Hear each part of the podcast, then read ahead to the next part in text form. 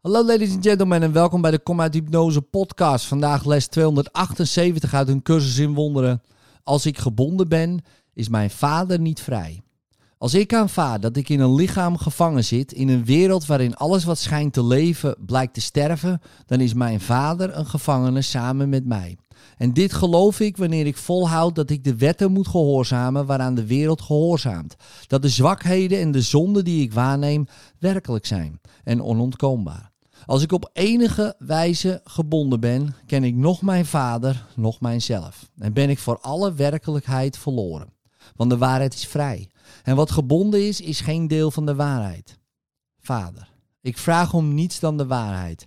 Ik heb veel dwaze gedachten over mezelf en mijn schepping gehad en heb een droom van angst in mijn denkgeest gebracht. Vandaag wil ik niet dromen.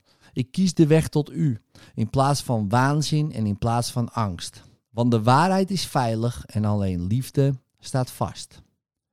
In liefde, tot morgen.